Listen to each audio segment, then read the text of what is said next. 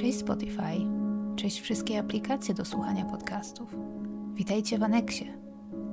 Prosiliście, abym zaczęła swoje podcasty wrzucać w inne aplikacje niż tylko YouTube, także oto spełniam Waszą prośbę. I zanim zaczniemy, chciałabym tylko zaznaczyć, że większość odcinków, które tu usłyszycie, było oryginalnie nagrywanych pod YouTube. Więc czasem możecie usłyszeć, że mówię na przykład, że pokażę Wam jakieś zdjęcie lub mapę. Odnosi się to oczywiście do oglądających na YouTube, ponieważ na Spotify nie mogę pokazać Wam zdjęć. Wszystkich zainteresowanych oczywiście zapraszam na mój kanał na YouTube, zawsze wrzucam do swoich filmów wiele zdjęć i map. Oraz na YouTube znajduje się też dużo starszych podcastów, których nie będę tutaj wrzucać. Możecie mnie znaleźć po nazwie mojego kanału, czyli po prostu Agarojet. Będzie mi bardzo miło, jeżeli rzucicie okiem na moje materiały też tam. Dzięki i teraz już przechodzimy do podcastu.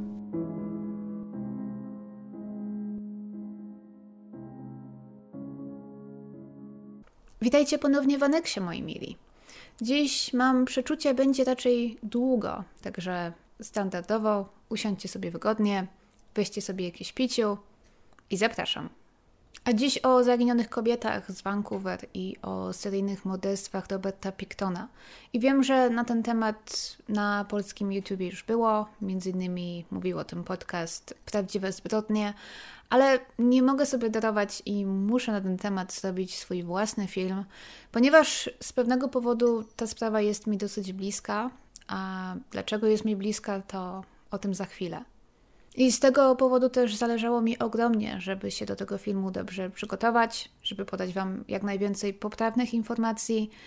I ciężko mi było zdobyć niektóre książki na ten temat, także chciałam tutaj podziękować naprawdę moim patronom, ponieważ niestety moja biblioteka niektórych książek nie miała i po prostu musiałam zainwestować i kupić e-booka. Także dziękuję Wam naprawdę bardzo, patroni, że wspieracie ten kanał, ponieważ dzięki Wam może on być lepszy. I nie przedłużając już, zapraszam. W drugiej połowie lat 90. w mieście Vancouver, które znajduje się w prowincji Kolumbia Brytyjska w Kanadzie, na dużą skalę zaczynają ginąć kobiety. I mówiąc na dużą skalę, wcale nie mam na myśli kilku czy kilkunastu, lecz o wiele więcej. W pewnym momencie naliczono się nawet 63 zaginionych. Dla przykładu, w 1997 roku aż 13 kobiet przepadło bez śladu. W 1998 odnotowano 10 kobiet, rok później zaledwie dwie, lecz w roku 2000 ta liczba znów poszybowała do 10. I biorąc pod uwagę, że Vancouver jest sporym miastem, bo liczy sobie ponad 600 tysięcy mieszkańców, możecie sobie pomyśleć, że to nie jest jakaś wyjątkowo duża liczba. Ale jeżeli Wam powiem, że wszystkie te kobiety dzieliły tę samą profesję i wszystkie zniknęły z tej samej, konkretnej, niewielkiej części miasta, znanej jako Downtown East Side, czy też wschodnia część centrum, to brzmi to już znacznie gorzej. Większość z tych kobiet zajmowała się prostytucją i w ich przypadku mówimy o tak zwanym survival sex, czyli sprzedawaniu seksu, aby przetrwać bo okazuje się, są różne rodzaje prostytucji. Te kobiety potrzebowały pieniędzy na podstawowe potrzeby, takie jak rachunki, jedzenie i ubrania. I w wielu przypadkach też karmienie uzależnienia narkotykowego. Czyli nie było to prostytuowanie się, żeby zarobić na najnowszą torebkę Prady czy wakacje na Bali, ale zwyczajna próba przetrwania, ostateczność. Praktycznie wszystkie zaginione kobiety wywodziły się z rodzin patologicznych albo dysfunkcyjnych, doznały tam traum i wykorzystania w przeszłości. Wiele z nich zwykle też żyło w bezdomności. I wiele z tych kobiet często pojawiało się w budynku organizacji WISH, co jest akronimem dla Women's Information Safe House, zorganizowanej na tyłach Zjednoczonego Kościoła Kanady. WISH to takie centrum pomocy dla kobiet zamieszanych w prostytucję. I to właśnie tam w pierwszej kolejności zaczęto zauważać, że wiele stałych bywalczyń nagle przestało się pojawiać. Ta organizacja wychodzi z założenia, że nie można z dnia na dzień zwalczyć problemu prostytucji, a udawanie, że ten problem nie istnieje, również nie pomaga. Więc próbuje pomóc tym kobietom w inny sposób, poprzez poprawę ich warunków życia, oferowanie darmowych posiłków, prysznicy. Organizacja istnieje od lat 80. i wtedy centrum było otwarte 5 dni w tygodniu, od godziny 17 do północy. Poza darmowymi posiłkami i prysznicami oferuje też informacje o tym, gdzie można zapisać się na darmowy detoks i ogólną pomoc w walce z uzależnieniem. Organizacja istnieje do dziś i z tego co widziałam na ich stronie bardzo się rozwinęli. Jeżeli chcielibyście pomóc i mieszkacie w Vancouver na przykład, to ta organizacja potrzebuje wolontariuszy. Przyjmuje też donacje praktycznie w każdej postaci. Potrzebne jest jedzenie, koce, ubrania, przybory toaletowe, praktycznie wszystko. Jeżeli jednak, tak jak ja, nie mieszkacie w Vancouver, a poruszy Was ta dzisiejsza historia zaginionych kobiet i chcielibyście w jakiś sposób pomóc, to możecie na przykład wpłacić jakąś kwotę na konto organizacji. Ja tak zrobiłam. Ta organizacja prowadzi też taką specjalną listę tak zwanych bad dates, czyli klientów, którzy użyli wobec kobiet przemocy czy grozili im na przykład. To się niestety często zdarza, że mężczyźni korzystający z usług prostytutek wcale nie szukają zaspokojenia seksualnego, lecz z różnych powodów żywią nienawiść do kobiet i chcą się na nich wyładować. Więc jeżeli któraś z tych kobiet natknie się na takiego typa, to może dodać go do listy. Oczywiście często nieznane są ich nazwiska, ale może na przykład podać jakim samochodem jeździ, jak wygląda i tak. Dzięki czemu inne kobiety będą wiedziały, kogo unikać. Wschodnia część centrum Vancouver to miejsce, gdzie większość tych kobiet żyła i pracowała. W tej okolicy, skupiając się głównie na ulicy Hastings, od dekad przebywają ludzie bezdomni i uzależnieni. Hastings jest miejscem, gdzie kwitnie prostytucja, handel narkotykami, a policja i pogotowie pojawia się tam praktycznie co noc. Zwykle, aby pomóc komuś, kto przedawkował. Według statystyk okolicy obecnie zamieszkuje od 3 do 4 tysięcy narkomanów. I powiedziałam wcześniej, że ta sprawa jest mi w pewnym sensie bliska, a to dlatego, że byłam kiedyś na Hastings Street i miałam okazję na własne oczy zobaczyć, jak to miejsce wygląda. W Vancouver byłam raz w życiu, przez dwa dni, i wiedziałam, że taka okolica gdzieś w mieście się znajduje, ale że działo się wtedy dużo rzeczy, to zupełnie o tym zapomniałam, wyleciało mi to z głowy. Zostało mi to brutalnie przypomniane wieczorem, gdy postanowiłam wrócić do centrum na nogach, z restauracji w Chinatown. Najszybsza droga prowadziła właśnie przez ulicę Hastings, której nazwa wydała mi się znajoma, ale nie mogłam sobie w pierwszej chwili przypomnieć skąd. Uświadomiłam sobie, gdzie jestem, dopiero gdy już tam dotarłam. Nieświadomie, zupełnie nieświadomie, wylądowałam w sercu miejsca, gdzie 20 lat wcześniej masowo ginęły kobiety. Spróbuję znaleźć w internecie jakieś zdjęcia i wrzucić wam tak, żebyście mogli też zobaczyć, jak to mniej więcej wygląda. To, co najbardziej szokuje na tej ulicy, to to, ile tam jest ludzi. To nie jest kilku bezdomnych siedzących w bramach. To są całe tłumy wypełniające chodnik. Niektórzy też próbują sprzedać tam różne rzeczy, które udało im się tu i tam wygrzebać. I na Hastings Street po raz pierwszy widziałam w życiu ludzi biorących narkotyki na ulicy. I nie mówię o marihuanie, bo ta i tak jest w Kanadzie legalna, więc to już nikogo nie dziwi. Mówię o paleniu kraku i braniu heroiny. I gdy zdarzyło mi się przejść przez Hastings, to nie wracałam wtedy sama, ale mimo wszystko pierwszą moją myślą było o nie, i co teraz? Czy aby na pewno jesteśmy tutaj bezpieczni? Ale szybko zdałam sobie sprawę, że w sumie to tak. Poza jedną osobą, która próbowała nam sprzedać swój płaszcz, nikt nas nie zaczepiał. Bo większość tych osób wcale nie jest tam po to, aby czyhać na czyjeś portfele na przykład. Wręcz przeciwnie. To właśnie bezdomni na Hastings Street częściej są ofiarami nadużyć niż na odwrót. Także nic mi się tam nie stało, ale było to bardzo przykre i dobijające doświadczenie. Ale wracając do zaginionych kobiet. Około jednej trzeciej wszystkich zaginionych to były rdzenne Amerykanki. I myślę, że o sytuacji rdzennych Amerykanów w Kanadzie również trzeba powiedzieć słów kilka. Oczywiście nie jest tajemnicą, że rdzenni Amerykanie wycierpieli wiele z rąk kolonizatorów, a obecnie w Kanadzie i Stanach uchowała się ich zaledwie garstka. Często żyją oni w nie najlepszych warunkach i zmagają się z biedą. Niektórzy żyją w tak zwanych rezerwatach, czasem bez dostępu do czystej wody czy ogrzewania. Powszechny jest niestety alkoholizm, nadużywanie różnych substancji, wysoki jest też wskaźnik samobójstw. Według statystyk z roku 1996, czyli mniej więcej z czasów, o których teraz mówimy, rdzenne Amerykanki w wieku pomiędzy 25 i 44 lat pięć razy częściej tracą życie w wyniku przemocy niż kobiety z innych grup. Dziś jest trochę lepiej, ale i tak niewiele się zmieniło. I gdy w 1998 roku policjant Kim Rosmo przedstawił pomysł, że za wszystkimi zaginięciami w Vancouver może stać seryjny zabójca, wielu jego znajomych policjantów odwróciło się od niego. Przy pierwszej też nadarzającej się okazji został zwolniony ze swojej posady inspektora i zdegradowany do pozycji posterunkowego. A to dlatego, że wielu policjantów nie traktowało zaginięć osób z tak zwanego marginesu poważnie. Czytałam o kobiecie pochodzącej z Fidżi imieniem Ashu, która chciała zgłosić zaginięcie swojej przyjaciółki, Tiffany Drew.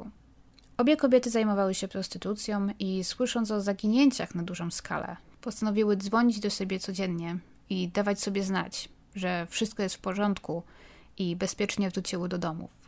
Jednak pewnego dnia, gdzieś pod koniec grudnia 1999 roku, Tiffany przestała dzwonić i Asha już nigdy więcej jej nie widziała. Poszła oczywiście na policję zgłosić zaginięcie przyjaciółki, ale nie została potraktowana poważnie. Zgłoszenie nie zostało nawet przyjęte, gdy Ashu przyszła na policję razem z menadżerką organizacji Wish. To naprawdę dużo mówi o tym, jakie podejście mieli niektórzy policjanci w Vancouver. Ale z czasem tych zaginięć było tak dużo, że nie mogli tego dłużej ignorować. W 1998 roku Wydział Policji Miasta Vancouver, w skrócie VPD, stworzył coś, co nazwano projektem Amelia po Amelie Earhart, jednej z najsłynniejszych na świecie zaginionych kobiet. Celem projektu miało być zbadanie wszystkich zgłoszonych zaginięć i zdecydowanie, co zrobić z nimi dalej.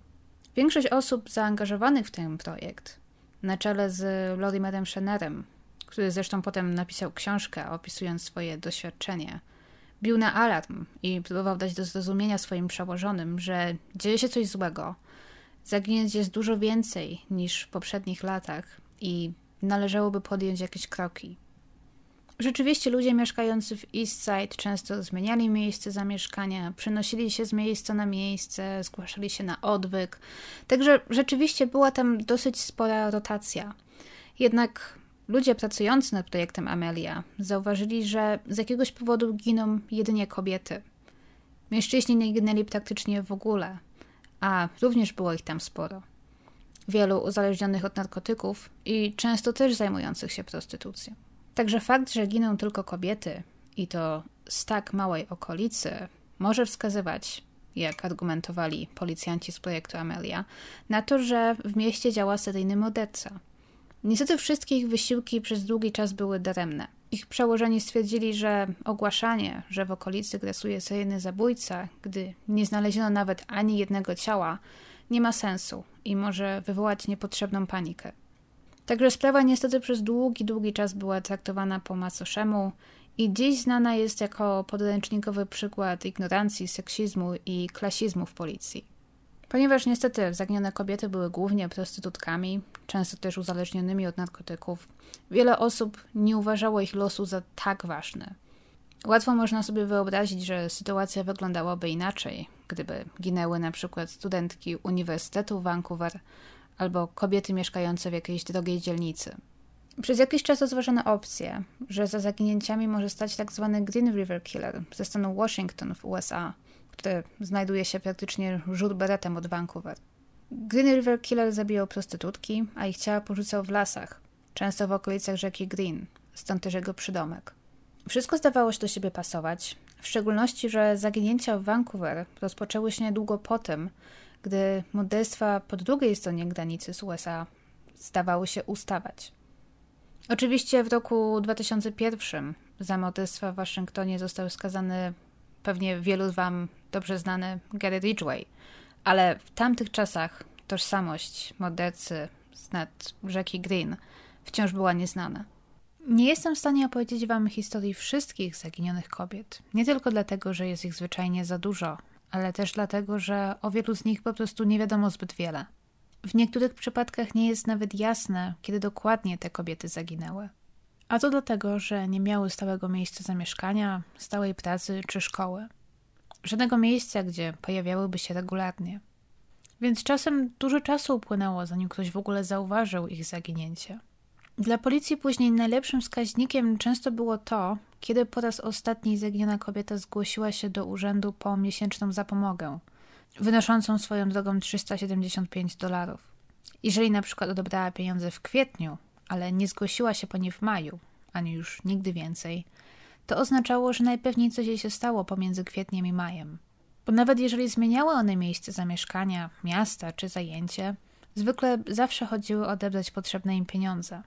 Także nie jestem w stanie opowiedzieć Wam o wszystkich kobietach, ale opowiem Wam o kilku z nich. Zacznijmy od Tani Holek, której zaginięcie zgłosiła jej matka, Dorothy, 3 listopada 1996 roku. A sama Tania była widziana po raz ostatni 29 października. Gdy zaginęła, Tania miała zaledwie 21 lat.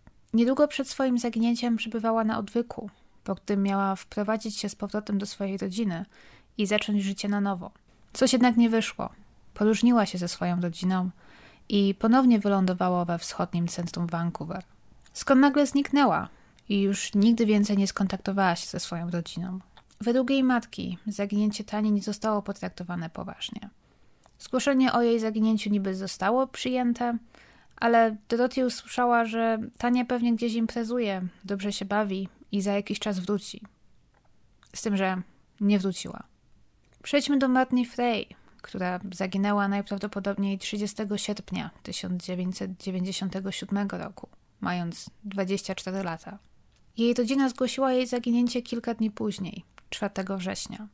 Jako córka byłej narkomanki, Martini sama wpadła w nauk narkotykowy i była często widywana we wschodniej części Vancouver. Utrzymywała jednak stały kontakt ze swoją rodziną, głównie ze swoim ojcem i jego drugą żoną, którzy stale próbowali wyciągać do Marni pomocną dłoń.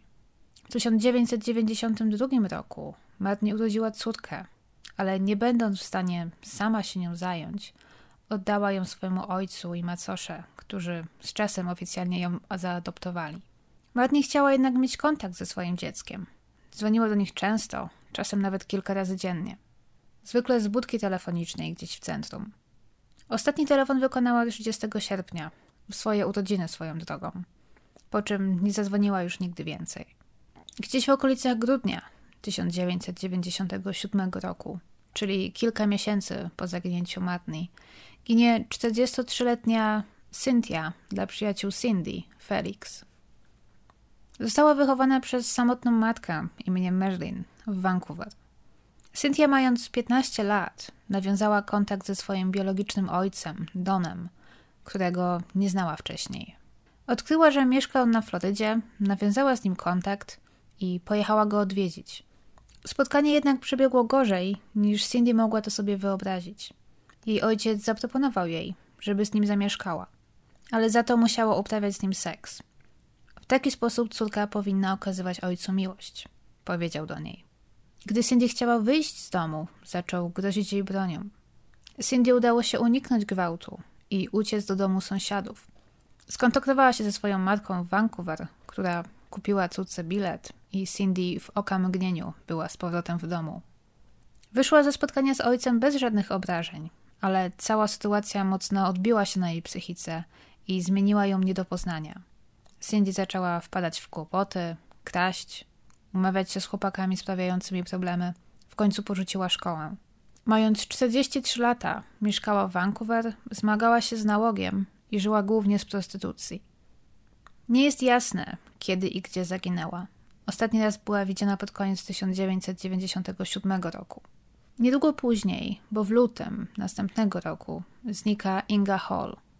Urodzona w Niemczech, kilka lat po zakończeniu II wojny światowej, przyjechała do Kanady z rodzicami, mając 4 lata. A w 1998 roku, mając lat 46, była stałą bywalczynią ulicy Hastings i okolic. Jej przyjaciółki zgłosiły jej zaginięcie 3 marca, a Inga była widziana po raz ostatni 26 lutego. 21 kwietnia 1998 roku, czyli jakieś dwa miesiące później, zgłoszono zaginięcie 29-letniej Sary DeVry. Wychowana w rodzinie zastępczej, Sara była kolejną kobietą, dla której życie nie było łaskawe. Sara była opóźniona w rozwoju.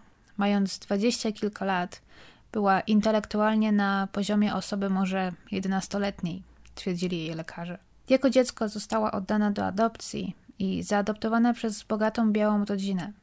W okolicy, w której się wychowała oraz w szkole, do której chodziła, Sara była jedynym ciemnoskutym dzieckiem. Była z tego powodu często ofiarą szykan w szkole. Sara była też jednak prawdziwą artystyczną duszą i aby poradzić sobie z problemami, pisała wiersze. Poczucie odizolowania i trudności w przystosowaniu się w końcu spowodowały, że jako nastolatka zaczęła uciekać z domu i z czasem też próbować narkotyków. Mając 29 lat, żyła we wschodniej części Vancouver, głównie z prostytucji i walczyła z nałogiem. Nie pozwalała jednak, aby nauk zupełnie ją zniszczył. Wciąż próbowała zdrowo jeść i brała witaminy. Nie miała zamiaru pozwolić, aby nauk zupełnie zawładnął jej życiem.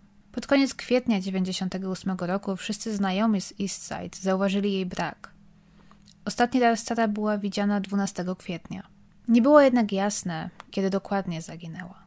Ze wszystkich zaginięć, zaginięcie Sary było jednym z tych, o których mówiło się najwięcej.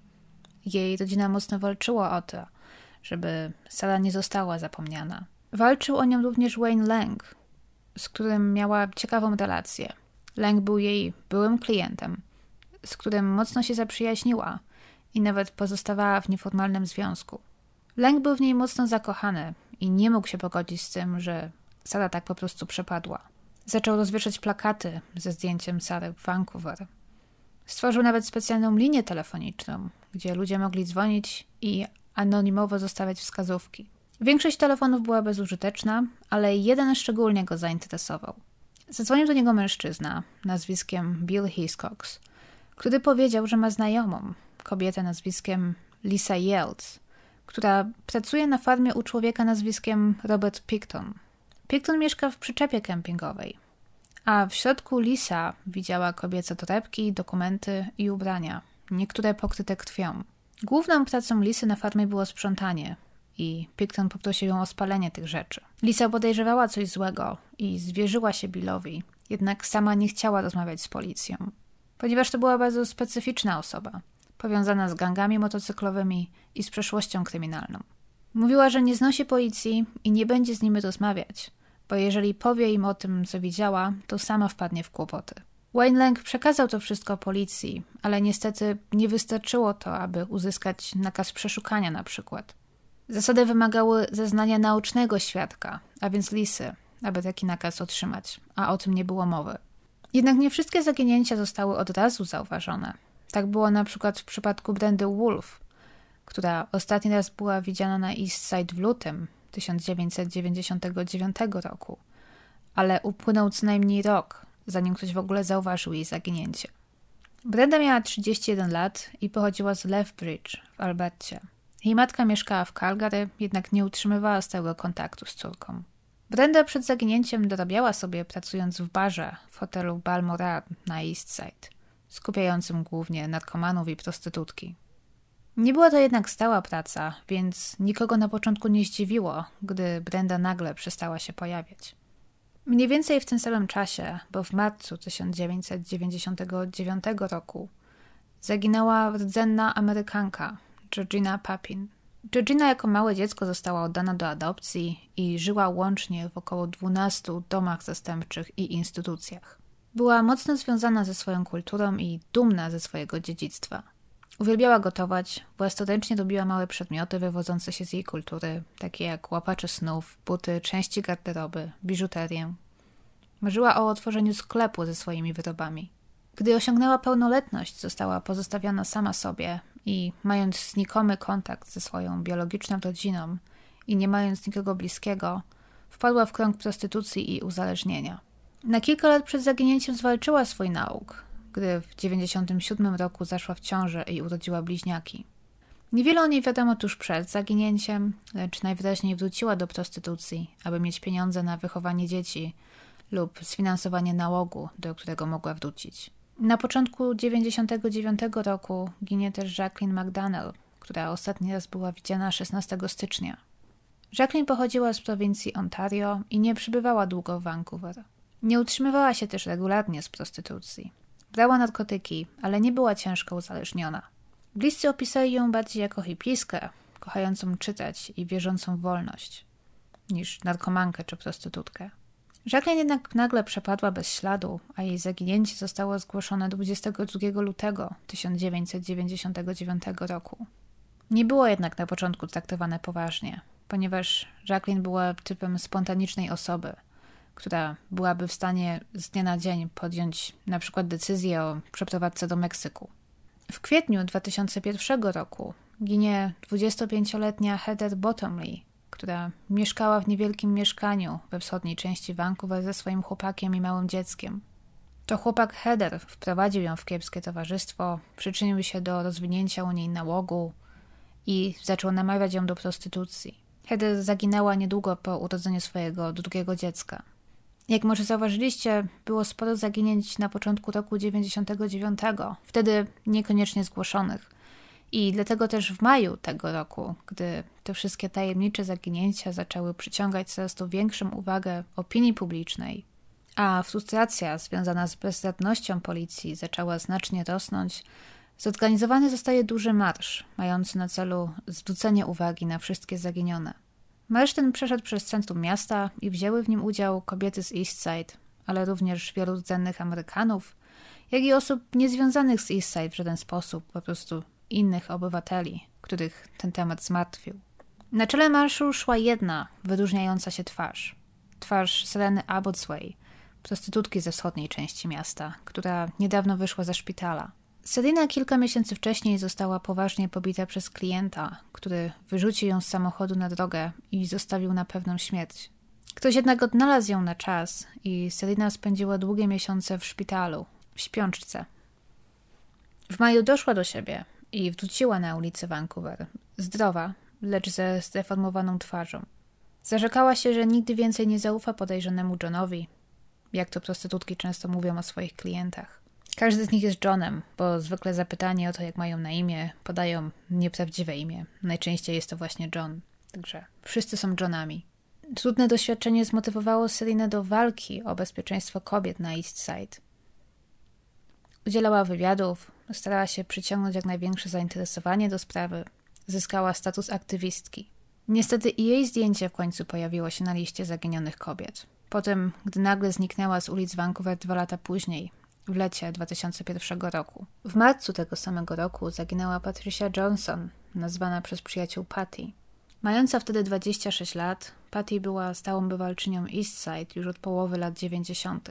W roku 97 pojawiła się na jednym ze zdjęć z kontrowersyjnej sesji zdjęciowej fotografa Lincolna Clarksa. Clarks, poruszony sytuacją kobiet żyjących we wschodniej części miasta, zaprosił wiele z nich do sesji zdjęciowej, z czego wyszła z jednej strony piękna i poruszająca, a z drugiej smutna seria zdjęć. Wrzucę wam na ekran jedno zdjęcie, na którym pojawiła się Patty.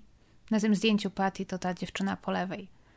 A w opisie pod filmem, we wszystkich linkach, będzie też link do strony ze wszystkimi fotografiami z tej sesji. Jakby ktoś chciał pooglądać, to zapraszam. Niedługo po Patty, 6 czerwca 2001 roku, ginie Andrea Josbury.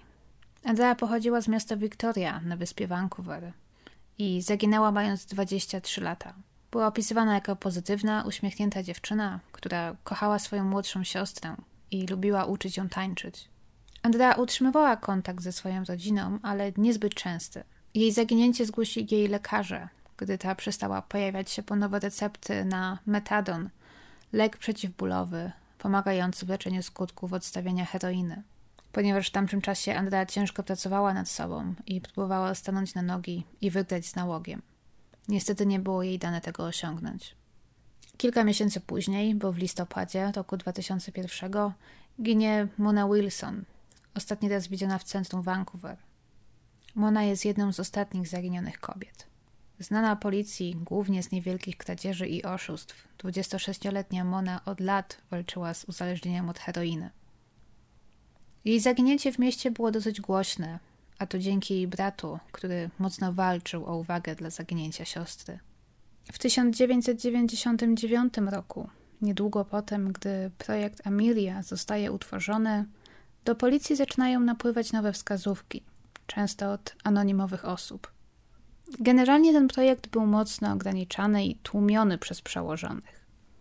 Istniał głównie dlatego, żeby policja mogła powiedzieć rodzinom zaginionych, że coś robi. Ale można było odnieść wrażenie, że tak naprawdę niewielu zależało na tym, aby poczyniono jakieś postępy. Jednak sami policjanci pracujący przy projekcie dawali z siebie wszystko i wpadli na kilka naprawdę wspaniałych pomysłów. Jednym z nich było na przykład zebranie wszystkich próbek DNA zaginionych. Jeżeli zaginięcie zgłosiła biologiczna rodzina, zostawały pobrane od nich próbki DNA i to nie było problemem. Oczywiście zbierano je po to, że jeżeli gdzieś w Vancouver zostanie znalezione ciało w dużym stopniu do składu, to aby wykluczyć, do kogo to ciało należy, można było porównać je z pobranymi próbkami. Ale w tym przypadku wiele z nich nie miało rodzin. Lecz za to większość z nich chociaż raz w życiu miała wykonane badanie cytologiczne. Służba zdrowia w Kanadzie jest darmowa, a cytologię zwykle wykonuje lekarz rodzinny, więc praktycznie każda z tych kobiet, nawet najbiedniejsza, zwykle się badała. A taki wymaz z szyjki macicy po przebadaniu zwykle jest przechowywany kilka lat.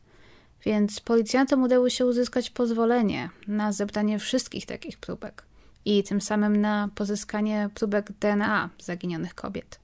Pomysł ten okazał się być ważny dla śledztwa w przyszłości. Projekt Amelia zgromadził też dosyć długą listę podejrzanych. Niestety mężczyzn znanych policji z napaści na prostytutki było wiele. Jeden z nich jednak wyjątkowo interesuje policjantów. Robert, nazwany przez przyjaciół Willie Picton, ten sam, o którym wspomniałam wam już wcześniej. To ten sam mężczyzna, który według Lisy Yields miał w swoim domu pokrwawione ubrania kobiet. Willie Picton mieszkał w Port Coquitlam, miasteczku mniej więcej pół godziny drogi na wschód od Vancouver. I co ciekawe też, Picton był już znany policji wcześniej z jednej poważnej napaści na prostytutkę. Był chłodny wieczór w marcu 1997 roku, gdy Robert Picton zatrzymał swojego pick-upa koło Wendy Lynn Eistetter, stojącej przy ulicy we wschodniej części Vancouver. Picton zaoferował Wendy 100 dolarów za seks na jego formie w Port Coquitlam. Wendy początkowo odmówiła, mówiąc, że to za daleko i pomimo iż 100 dolarów to była wtedy dość, dosyć wysoka stawka, nie opłacało jej się. Picton obiecał jednak, że po wszystkim odwiezie ją z powrotem w to samo miejsce i cała wyprawa w tej we nie zajmie dłużej niż półtorej godziny. W końcu Wendy przystaje na propozycję i wsiada do samochodu. W czasie jazdy zauważa pod swoimi nogami biustonosz. Pyta Pictona, do kogo należy. Na co ten lakonicznie odpowiada, że do dziewczyny, z którą spał tydzień wcześniej. To powoduje, że Wendy czuje pierwsze ukłucie niepokoju. Zaczyna rozważać ucieczkę, gdy tylko auto zatrzyma się na znaku stopu albo na światłach. Ale Picton prowadzi tak, że auto nie zatrzymuje się ani razu i w końcu dojeżdżają na jego farmę. Na miejscu Wendy zostaje zabrana do przyczepy, w której mieszkał wtedy Picton. Przyczepa jest obrzydliwie brudna i zaniedbana, ale Wendy uspokaja się powoli, bo wszystko przebiega bezproblemowo, tak jak Picton obiecał. Po seksie Wendy prosi Pictona o skorzystanie z telefonu. Chciała zadzwonić do swojego chłopaka i dać mu znać, że już wraca. Picton zgadza się i prowadzi ją do telefonu. Wendy jednak nie ma szansy z tego telefonu wykonać, bo nagle błyskawicznym ruchem Picton łapie ją za lewą rękę i zapina na niej kajdanki. Wendy reaguje instynktownie i zaczyna walczyć. Przypomina sobie, że wchodząc widziała na kuchennym stole duży nóż i rzuca się w jego kierunku. Łapie go i trafia ostrzem w gardło swojego napastnika. Cios jest celny, ale nie wystarcza. Picton wyrywa jej nóż i zadaje kilka ciosów w brzuch i klatkę piersiową. Wendy jednak zaciekle walczy i pomimo, że jest dużo mniejsza i słabsza od niego, wyrywa mu ponownie nóż. W końcu Picton traci przytomność z powodu utraty krwi i Wendy wybiega z przyczepy na zewnątrz. Woła o pomoc, ale w pobliżu nie ma żywej duszy. W końcu biegnie w stronę drogi. Widzi nadjeżdżające auto i wyskakuje przed nie, próbując je zatrzymać. W samochodzie jadą młody mężczyzna i kobieta, którzy w pierwszej chwili chcą odjechać, gdy widzą zakrwawioną kobietę z nożem w ręku, która wyskoczyła przed ich samochód. Wendy ma jednak dużo szczęścia, bo się dla niej zatrzymują. Proszą ją o wyrzucenie noża i pozwalają wsiąść do samochodu. Maria Mills, kobieta, która była wtedy w tym samochodzie, powiedziała później, że to, co przekonało ją, że ta kobieta potrzebuje pomocy, były zwisające z jej ręki kajdanki. Wiozą ją do najbliższego szpitala, jednocześnie dzwoniąc na pogotowie z telefonu komórkowego. Karetka spotkała ich w połowie drogi do szpitala i udzieliła Wendy pomocy. Dzięki sprawnej natychmiastowej akcji oraz odrobinie szczęścia, Wendy udało się przeżyć. Miała wiele ran kłutych i duże obrażenia wewnętrzne. Powiedziała później, że uciekając z farmy, musiała trzymać się za brzuch, bo miała wrażenie, że wypadną jej wnętrzności. Lekarze wyszli z siebie, próbując ją uratować. Oczywiście wezwali też policję, bo Wendy wyraźnie została przez kogoś zaatakowana, a zwisające z jej ręki kajdanki nie dawały im spokoju. Niedługo po Wendy w szpitalu pojawia się Picton. Byłam w stanie sam przywieźć się do szpitala, a jego rany, w szczególności te na szyi, były raczej poważne. Dwie osoby z ranami kłutymi w tym samym szpitalu. Policjanci szybko dodali dwa do dwóch. Jeżeli mieli jakiekolwiek wątpliwości, szybko zostały one rozwiane. Gdy Picton był operowany, policjanci przejrzeli jego rzeczy. W kieszeni znaleźli pęk kluczy i sytuacja rodem jak z filmu. Jeden z tych kluczy pasował do kajdanek na ręce Wendy. Brzmi jak prosta, zamknięta sprawa, prawda? Niestety nie. Robert Picton do niczego się nie przyznał i opowiadał zupełnie inną historię. To Wendy jako pierwsza go zaatakowała, próbując go okraść. On tylko się bronił. I pomimo iż początkowo zarzucono mu usiłowanie morderstwa, wszystkie zarzuty zostały oddalone. Złożyło się na to kilka rzeczy. Wendy była narkomanką. Jej zeznanie zostałoby uznane za niezbyt wiarygodne. Dodatkowo ona przeraźliwie bała się Pictona, a całe zajście zostawiło u niej głęboką traumę. Nie chciała i nie była w stanie zeznawać przeciwko niemu w sądzie. Także zarzuty oddalono, co w świetle późniejszych wydarzeń jest oburzające. Gdyby Picton wtedy został skazany, możliwe, że ponad 20 kobiet uniknęłoby śmierci z jego rąk. Wendy jest jedyną, która spotkanie z Pictonem przetrwała jej zdumiewająca historia daje nam wyobrażenie, jak mogły wyglądać ostatnie chwile innych ofiar. Robert Picton nie został wtedy skazany, ale wyszedł ze starcia z Wendy z żółtaczką typu A, którą zaraził się najpewniej, gdy doszło do wymieszania się ich krwi podczas walki. Nie krył się z tą historią i mówił o niej często swoim przyjaciołom i współpracownikom.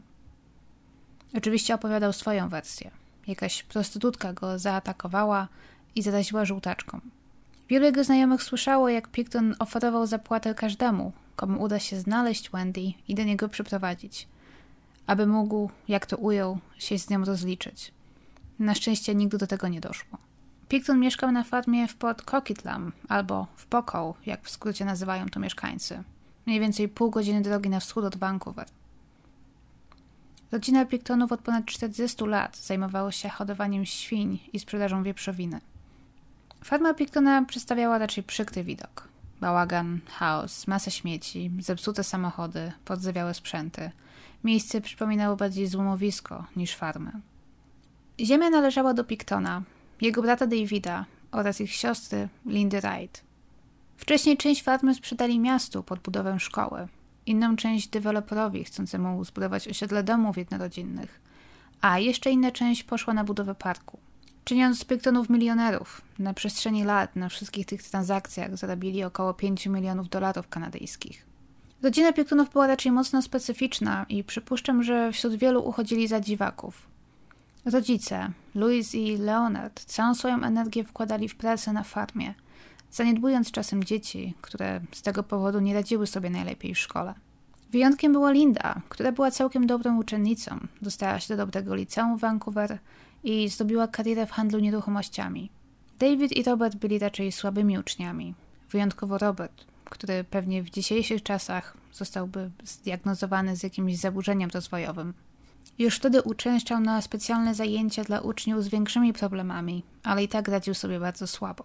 W końcu porzucił szkołę w połowie liceum i nigdy już do niej nie powrócił. Nie pomagał też fakt, że dzieci Pinktonów często opuszczały zajęcia, gdy były potrzebne na farmie. Dla ich rodziców praca była ważniejsza od nauki. Dodatkowo niektórzy w rodzinie Pinkton mieli problemy z higieną osobistą. I tutaj znów przodował Robert, który potrafił czasem nie myć się przez tydzień. A biorąc pod uwagę to, że pracował na farmie ze zwierzętami, to czasem przebywanie w jego otoczeniu było po prostu trudne. Później jako dorosły tłumaczył, że przymus mycia się kojarzył mu się z jego matką, która stale zmuszała go do kąpieli, często jako karę. Jeżeli chodzi o matkę Pictona, Louise, to krąży o niej mnóstwo historii. Jedna z częściej powtarzanych mówi o tym, jak to młodszy brat Roberta, Dave, mając 16 lat, wsiadł za kółko krótko po otrzymaniu prawa jazdy. Był 16 października 1967 roku, gdy Dave wybrał się na przejażdżkę ciężarówką ojca. Był wieczór, widoczność była nie najlepsza i Dave, zapewne szczęśliwy z faktu, że jest już tak dorosły i może jeździć samochodem, podtrącił niechcący 14-letniego chłopca, Tima Barretta, który szedł wzdłuż drogi. Chłopiec żył, ale był mocno poobijany i nie mógł się ruszyć. Przerażony David pognał czym prędzej do domu, powiedzieć swojej mamie o tym, co się stało. Pewnie myślicie, że Louise wezwała pogotowie, policję i pognała na miejsce zdarzenia udzielić Timowi pomocy. Ale nie. Pognać rzeczywiście tam pognała, ale nie po to, by chłopcu pomóc. Po obadaniu jego ran i stwierdzeniu, że są poważne, postanowiła wrzucić jego ciało do rowu, przez który przepływał płytki strumyk. A Davidowi kazała jak najprędzej zabrać ciężarówkę do mechanika, aby naprawić wgniecenie z przodu samochodu. Przez całą noc rodzice Tima, Philip i Lois, szukali go w panice. Obdzwaniali sąsiadów, szukali po okolicy, aż w końcu około pierwszej rano poszli na policję, zgłosić jego zaginięcie. Ciało Tima znalazła grupa poszukiwawcza następnego dnia rano, dokładnie tam, gdzie wyrzuciła je wcześniej Louis. Przyczyną śmierci okazało się być utonięcie, a nie potrącenie przez samochód.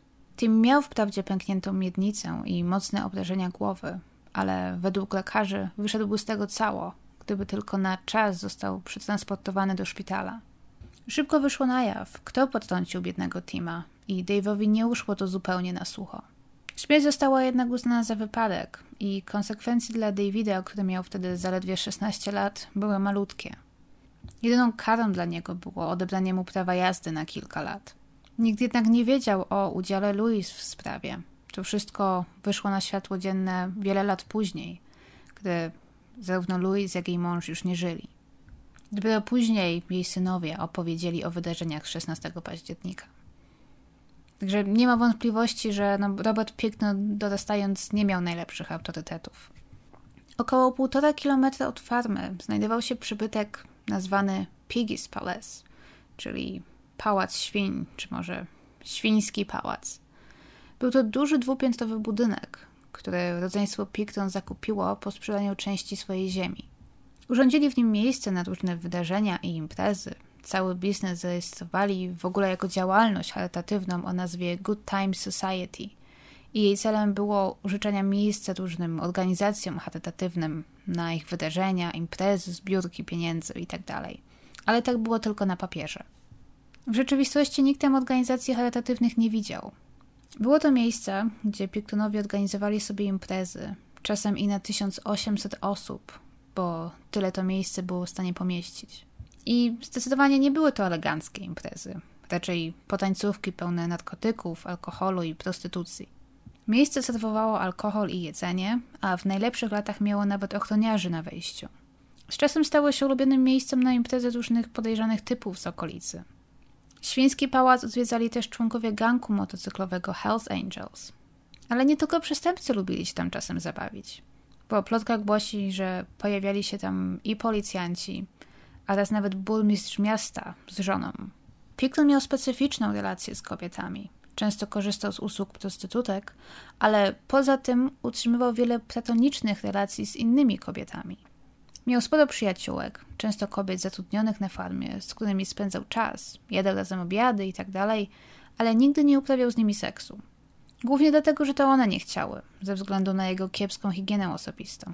Ale on nie miał nic przeciwko, szanował ich decyzje i nie miał problemu z utrzymywaniem jedynie platonicznych relacji. Przez lata przez farmę przewinęło się wiele osób walczących z nałogiem narkotykowym. Picton oferował pracę, a czasem też i mieszkanie ludziom próbującym wyjść na prostą.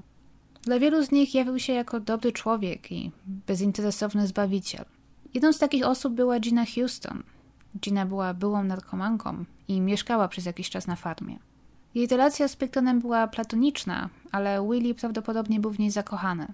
Ona oczywiście z tego korzystała, jak i czasem przyprowadzała na farmę inne osoby, które również potrzebowały pomocy. I dzięki Ginie właśnie na Fatmie zamieszkała inna kobieta, również walcząca z nałogiem. Lynn Ellingsen.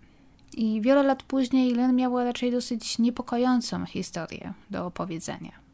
Był 20 marca 1999 roku, gdy Lynn i Picton załatwiali kilka spraw w Vancouver I pod koniec eskapady Picton zapytał, czy Len ma coś przeciwko, jeżeli po drodze wezmą prostytutkę.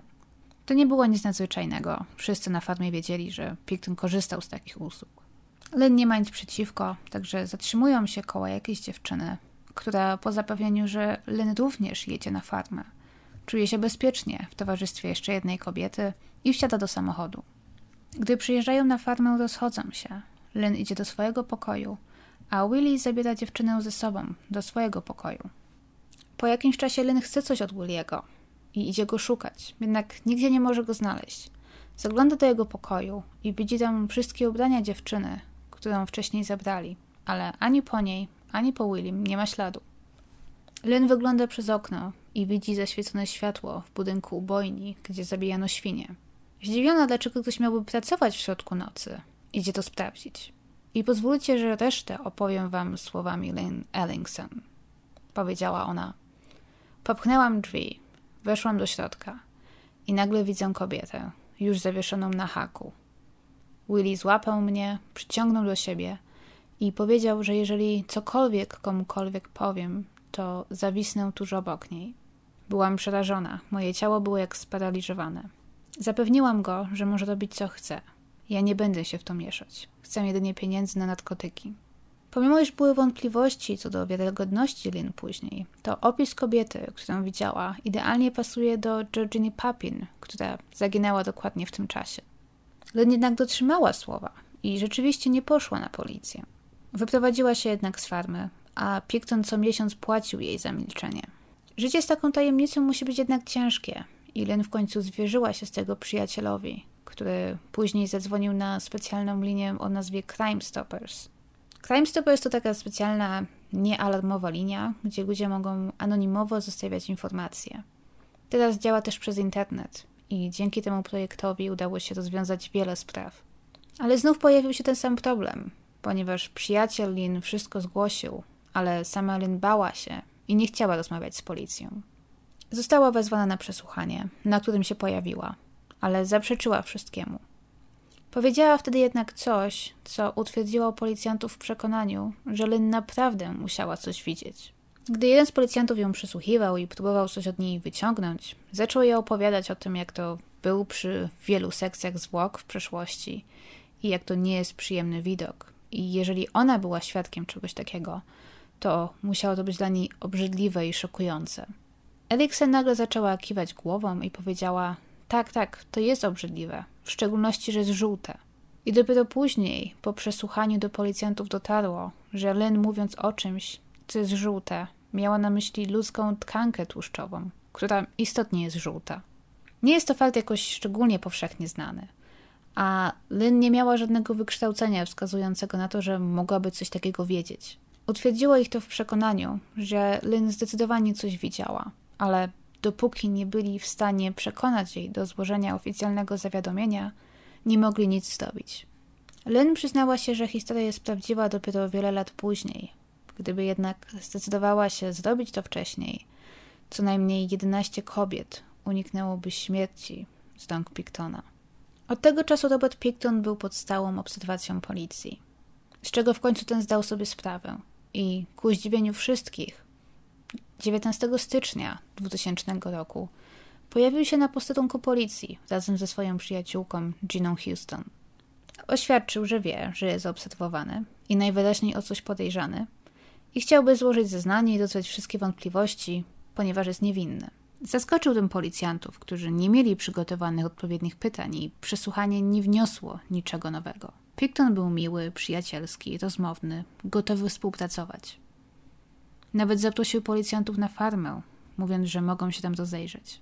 Oczywiście fakt, że on wiedział, że oni się nim interesują, spowodował, że śledztwo było w tym momencie mocno zagrożone. Ponieważ jeżeli Picton był tego świadomy i na farmie były jakieś dowody, to oczywiście najpewniej się już ich pozbył. Więc gdy policjanci pojawili się na farmie na początku roku 2000, to nie znaleźli niczego obciążającego. Wszystko zmienia się na początku roku 2002. Na policję zgłasza się były pracownik Pictona, Scott Chubb, który zgłasza, że Picton ma sporą kolekcję nielegalnej broni palnej na swojej farmie. I Chubb wcale nie robi tego, ponieważ podejrzewa, że Willie jest mordercą kobiet, czy coś w tym stylu. Scotcha potrzebował pieniędzy i miał nadzieję, że otrzyma nagrodę pieniężną za swoją informację. Ale to było dokładnie coś, czego policja potrzebowała.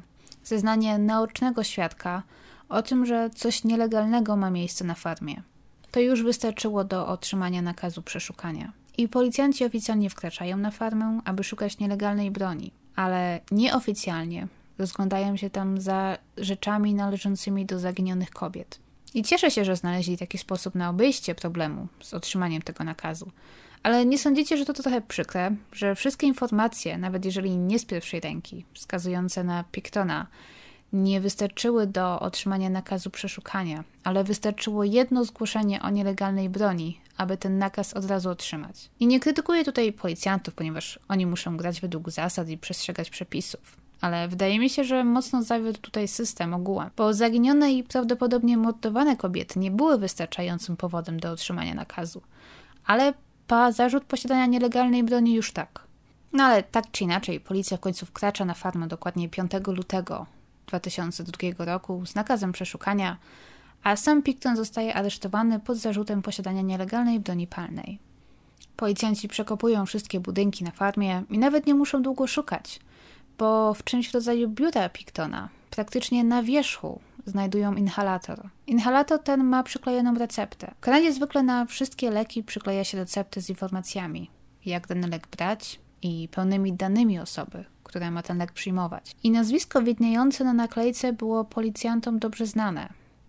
Selina Abbotsway, aktywistka zaginiona zaledwie rok wcześniej. I bum, to jest wszystko, czego potrzebowali. Ten inhalator jest podstawą do oskarżenia Pictona o bycie zamieszanym w jej zaginięcie i otrzymanie pozwolenia na przeszukanie całej farmy pod kątem poszukiwania zaginionych kobiet.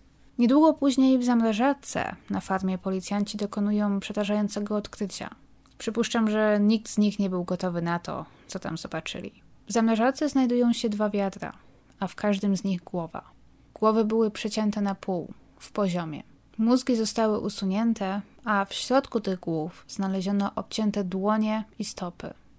Wszystkie te szczegóły wyszły na jaw dopiero w roku 2007, wcześniej pozostawały tajemnicą. Głowy okazały się należeć do Seliny Abbotsway i Andrei Jasbury. Głowy zostały przecięte w ten sposób najprawdopodobniej przy użyciu piły mechanicznej. Był to szokujący widok, ale dla niektórych policjantów nie był to nowy widok, bo w 1995 roku, czyli 7 lat wcześniej, znaleziono czaszkę kobiety przeciętą w identyczny sposób w miejscowości Mission w Kolumbii Brytyjskiej, na wschód od Coquitlam. Tożsamość kobiety wtedy nie była znana i nie jest znana do dziś, pozostaje ona tajemnicą. Ale stało się jasne, że została zabita przez tę samą osobę, która zabiła Serinę i Andreję.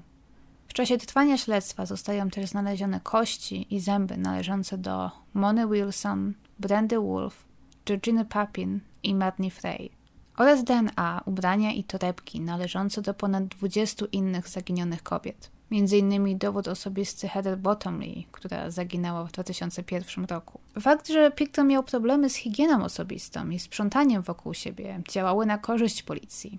Na materacu w jego sypialni znaleziono krew i DNA należące do Jacqueline McDonnell, która zaginęła 3 lata wcześniej. Picton miał 3 lata zatem na pozbycie się niektórych dowodów, ale z jakiegoś powodu tego nie zrobił. Policja znajduje też dużo nielegalnej broni, która to wszystko rozpoczęła. Jeden z pistoletów w szczególności przekuwa ich uwagę, ponieważ jest do niego przymocowane dildo.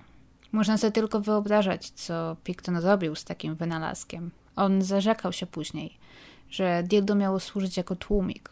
Poza tym wśród jego rzeczy znaleziono dużo zabawek erotycznych, kajdanki, wiele linii sznurów oraz pudełko pełne noży. Oficjalnie 22 lutego 2002 roku policja ogłosiła, że Robert Willie Picton został oskarżony o dwa morderstwa. W następnych miesiącach ta liczba urośnie do 27. W kwietniu do listy dołączają Jacqueline McDonnell, Diane Rock, Heather Bottomley, Brenda Wolf. We wrześniu dochodzą Georgina Papin, Patricia Johnson, Helen Hallmark, Jennifer Farminger, Heather Chinook, Tania Hollick, Sherry Iving i Inga Hall. W maju następnego roku do listy zostają dodane kolejne kobiety. Kara Ellis, Andrea Bodhaven, Deborah Lynn Jones, Tiffany Drew, Kerry Koski, Sarah DeVry, Cynthia Felix, Angela Jardine, Wendy Crawford, Diana Melnick. Znaleziono również kości, które nie pasowały do żadnych ze znanych zaginionych kobiet. I te kobiety do dziś znane są po prostu jako Jane Doe, powodując, że prawdziwa liczba wszystkich ofiar do dziś jest zagadką. Wciąż jest też wiele kobiet, których DNA ani żadne szczątki czy rzeczy nie zostały znalezione na farmie. I nie jest jasne, czy zginęły one gdzieś indziej w jakiś inny sposób, czy po prostu Picton miał tym razem szczęście i udało mu się usunąć wszystkie dowody. Co ciekawe, Picton nie był też najlepszym farmerem. Wszystkie jego świnie były zaniedbane. Wyraźnie nikt się nimi nie zajmował. Większość z nich okazała się być zagłodzona, chora, ranna, z rozwijającymi się infekcjami. W zagrodzie było nawet kilka martwych świń, których nikt nie usunął. A gdy Picton został aresztowany i umieszczony w celi, to znów policja wpadła na pomysł rodem z filmu. Picton wylądował w celi z mężczyzną, który, jak sądził, również był sądzony o morderstwo. I nie podejrzewał nawet, że jest to podstęp, a jego kolega z celi w rzeczywistości jest policjantem. Robert Picton nie chciał rozmawiać z policjantami, nie chciał być przesłuchiwany i do niczego się nie przyznawał. Chętnie rozmawiał jednak z kolegą ze swojej celi, który udawał kogoś ze stylu życia i charakteru podobnego do Pictona. Wystarczyło tylko kilka właściwych tekstów i sugestii, głównie narzekanie na kobiety i nabijanie się z naiwności policji, żeby Picton przyłączył się do swojego kolegi i rozwiązał mu się język. Picton przyznał, że wszystkie zarzuty przeciw niemu są prawdziwe. I to, co robił długo, uchodziło mu na sucho. I pewnie uchodziłoby dalej, ale stał się zbyt lekkomyślny i nieostrożny. Oczywiście wszystkie rozmowy zostały nagrane i stały się przeciwko niemu mocnym dowodem. Picton również dużo żalił się na swój temat, koledze z celi. Opowiadał często powtarzaną zresztą przez siebie historię o tym, gdy był nastolatkiem i miał małego cielaczka, którego bardzo lubił, gdy dorastał na farmie, bawił się z nim, spędzał dużo czasu, nadał mu imię. Aż tu pewnego dnia wrócił ze szkoły i cielaka nigdzie nie było. Zaczął go szukać, aż w końcu zaszedł do ubojni i zobaczył swojego cielaka martwego, zawieszonego na haku. Po tym wydarzeniu podobno długo nie mógł się pozbierać. I nie jest nawet jasne, czy jest to prawdziwa historia, czy może jest to po prostu coś wymyślonego przez Williego, tak żeby wzbudzić współczucie w innych ludziach. Także Willie był aresztowany, ale to jeszcze nie koniec. Śledztwo łącznie kosztowało około 70 milionów dolarów i było jednym z najdroższych śledztw w historii Kanady. Wymagało pracy setek ludzi. Antropolodzy z pięciu różnych kanadyjskich uniwersytetów zlecieli do Vancouver, aby pomagać w poszukiwaniu kości i innych dowodów na farmie. Farma była ogromna. Problemem oczywiście był też fakt, że na farmie przez lata zabito tysiące świń. Wszędzie wykopywano kości, i znajdowano krew, często jednak należącą do zwierząt, ale każda najmniejsza kosteczka musiała zostać pod tym kątem przebadana, co oczywiście oznaczało długie miesiące pracy. Kilka lat po aresztowaniu Pictona, 10 marca 2004 roku, policja wydała oficjalne oświadczenie, które zmroziło wszystkim krew w żyłach. Zaapelowali oni do wszystkich, którzy mogą przechowywać w zamrażarkach mięso kupione przed lutym 2002 roku. W szczególności, jeżeli istniała szansa, że mogło ono pochodzić z farmy Pictonów. Jeżeli ktoś jest w posiadaniu takiego mięsa, to powinien jak najprędzej zgłosić się na policję. Nie wytłumaczyli dokładnie dlaczego proszą tych ludzi o kontakt, ale dla wszystkich było to jasne. Obawiano się, że Picton mógł sprzedać ludzkie mięso jako wieprzowinę lub nakarmić tym mięsem świnie, których mięso później zostało sprzedane do konsumpcji. Obawiano się tego nie też dlatego, że sam fakt zjedzenia ludzkiego mięsa był sam w sobie tak odrażający. Chodziło raczej o to, że wiele ofiar Pictona było nosicielkami wirusa HIV, wiele z nich miało też żółtaczkę i zjedzenie takiego mięsa groziło zakażeniem. I czy ktoś zjadł albo zakupił takie mięso, nie jest jasne. Nie wiadomo o żadnym takim przypadku. Zresztą podejrzewa się, że Picton pozbył się ciał większości ofiar w inny sposób. Co tydzień z jego farmy zabierano beczki pełne kawałków mięsa, które nie nadawały się na sprzedaż. Były to na przykład niejadalne pozostałości zabitych świń czy zepsute mięso. Wszystko to było zabierane do utylizacji i nikt jakoś specjalnie nie sprawdzał czy nie patrzył, co tam dokładnie się tam znajduje. Podejrzewa się, że Picton mieszał razem z wieprzowiną kawałki ciał swoich ofiar, które odpowiednio podświatowane były nie do odróżnienia. Podczas procesu w maju 2005 roku Picton został oskarżony o 27 morderstw pierwszego stopnia, co było w Kanadzie nowym rekordem. Oskarżony jednak nie przyznał się do winy. Sędzia zdecydował, że głowa przysięgłych będzie przytłoczona nadmiarem dowodów i liczbą ofiar, więc aby ułatwić sprawę, podzielił wszystko na dwa osobne procesy. I gdy Picton został aresztowany i na jaw zaczęły wychodzić wszystkie te okropieństwa, jakie on uczynił, to w głowach ludzi zaczęło rodzić się pytanie: czy aby na pewno Picton działał sam? Co ze sporą grupą ludzi, która codziennie przewijała się przez farmę? Co z jego bratem, który przez większość czasu tam mieszkał? David Picton również nie był święty. W 1991 roku napadł na kobietę, która pracowała w jego firmie. Dave prowadził firmę zajmującą się rozbiórką domów i pewnego dnia zaatakował swoją pracownicę. Przypadł ją do ściany przyczepy i próbował zgwałcić, ale na szczęście dosyć szybko nadszedł zaalarmowany inny pracownik, który zdołał ją uratować, zanim doszło do gwałtu. Sprawa została zgłoszona na policję, ale Dave, niestety przykra rzeczywistość, otrzymał szokująco małą karę. Musiał swojej ofierze zapłacić tysiąc dolarów i otrzymał wyrok zaledwie jednego roku w zawieszeniu. Jego ofiara oczywiście straciła pracę, w końcu musiała wyprowadzić się z okolicy. Po tym, gdy różni kumple Dave'a, głównie motocykliści, pojawiali się pod jej domem i grozili jej śmiercią. Powstaje też pytanie, co na przykład z Giną Houston albo z Lynn Ellickson. Mieszkały na farmie, były blisko z Pictonem, nawet sprowadzały na tę farmę kobiety. Czy jest możliwe, że Picton, biorąc pod uwagę to, że miał sporo pieniędzy, płacił im za sprowadzanie na farmę kobiet w wiadomym celu? W ostatnich latach jego działalności wiele kobiet z Eastside było świadomych zagrożenia i bardzo ostrożnych. Więc pewnie coraz trudniej było mu nakłonić kobietę, aby wsiadła z nim do samochodu i pojechała z nim na farmę, biorąc pod uwagę to, że większość kobiet wolała nie opuszczać Eastside. Także przypuszczam, że w pewnym momencie musiał zacząć uciekać się do innych sztuczek, jak właśnie na przykład prosić swoje przyjaciółki o przyprowadzenie kobiet na farmę. Swoją drogą jedna z jego przyjaciółek, która też przez jakiś czas mieszkała na farmie i była byłą narkomanką, Dina Taylor, przyjaźniła się z niektórymi z zaginionych kobiet. Istnieje też niepotwierdzona informacja, że zamordowana Sedina Abbotsway była widziana na farmie Pictona w towarzystwie Ginny Houston – Powstaje też pytanie, co z Lisą Jelc na przykład, która przyznała, że pomagała Pictonowi pozbywać się zakrwawionych ubrań i kobiecych torebek. Nikt z tych ludzi nie został jednak nigdy o nic oskarżony, a jedynym oskarżonym i skazanym jest Robert Picton.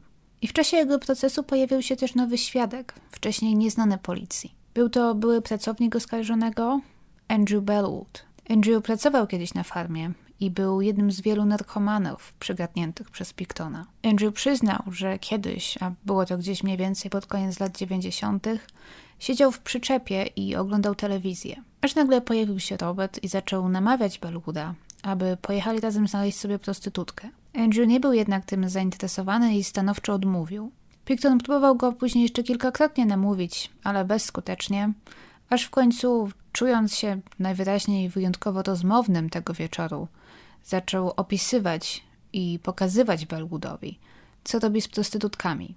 Powiedział mu, że dusi je używając rąk lub paska do spodni i zaczął gestykulować, aby zaprezentować, jak to wygląda. Powiedział też, że jednym z najlepszych sposobów na zabicie narkomanki jest podanie jej strzykawki z, jak ona sądzi, heroiną, ale w rzeczywistości w strzykawce znajduje się płyn do spryskiwaczy. Wiarygodności opowieści Bellwooda dodaje fakt, że podczas przeszukania wśród rzeczy Pictona znaleziono plecak, a w środku kilka strzykawek wypełnionych, jak się okazało, płynem do spryskiwaczy. Andrew Bellwood nigdy jednak wtedy nie poszedł na policję z tą historią, ponieważ niedługo po tej rozmowie Andrew został pobity przez trzech pracowników Pictona. Mężczyźni przyszli do niego, gdy pracował na farmie i oskarżyli o kradzież sprzętu, którego Bellwood nigdy nie ruszał. Stało się dla niego jasne, że Picton zdaje sobie sprawę, że tamtej nocy powiedział trochę za dużo i obawiał się, że Balwood opowie komuś o tym, co usłyszał. Pobicie i groźby zadziałały. Andrew wyniósł się z farmy, wsiadł na prom i przeniósł się na stałe na wyspę Vancouver, skąd pochodził. Postanowił zapomnieć o tym, co słyszał i czego doświadczył na farmie, bojąc się o swoje bezpieczeństwo. I zebrał się na odwagę, aby opowiedzieć o swoich doświadczeniach dopiero gdy Picton został aresztowany. A na liście zaginionych kobiet wciąż znajduje się wiele nazwisk. Są to kobiety zaginione głównie w latach 80. i 90., które nie zostały w żaden sposób połączone z farmą Pictona. Wiele z nich mogło być ofiarami, ale w ich przypadku wszelkie ślady po ich morderstwie zostały sprawnie usunięte. Należy też pamiętać, że na ziemiach, które kiedyś należały do rodziny Picton, obecnie znajduje się osiedle z domami jednorodzinnymi i szkoła. Nie sposób powiedzieć, jakie dowody mogły przepaść w trakcie ich budowy. Lecz niektóre kobiety z listy zaginionych jednak udało się odnaleźć gdzieś indziej. Niektóre zmarły z przedawkowania w innych miastach na przykład, a ich ciała nie zostały od razu zidentyfikowane. W roku 2006 zaskakujący news objął kanadyjskie i amerykańskie media. Okazało się, że jedna z kobiet na liście zaginionych, Linda Grant, która była uważana za zaginioną od 1985 roku, czyli w tamtym momencie już od 21 lat, cały ten czas żyła sobie spokojnie na południu Stanów Zjednoczonych. Nie miała pojęcia, że została zgłoszona jako zaginiona po tym, gdy jako młoda kobieta podjęła decyzję o wyjeździe z Kanady i przeprowadzeniu się do USA. Zupełnie przypadkiem natrafiła na historię Pictona i zaginionych kobiet w internecie i ku swojemu zdziwieniu na plakacie z osobami zaginionymi zobaczyła swoje zdjęcie. Pozostaje tylko mieć nadzieję, że jeszcze więcej kobiet uznanych za zaginione po prostu gdzieś sobie żyje spokojnie w świecie. Ale tak czy inaczej, Robert Picton został uznany winnym 26 morderstw z 27, o które został oskarżony. Jedynym, którego nie udało mu się udowodnić, było morderstwo niezidentyfikowanej Jane Doe. Otrzymał wyrok dożywocia, bez możliwości ubiegania się o wcześniejsze zwolnienie po 25 latach. W momencie, gdy to nagrywam, wciąż żyje i przebywa obecnie w więzieniu Port Cartier, północnej części prowincji Quebec. I to chyba tyle na dziś.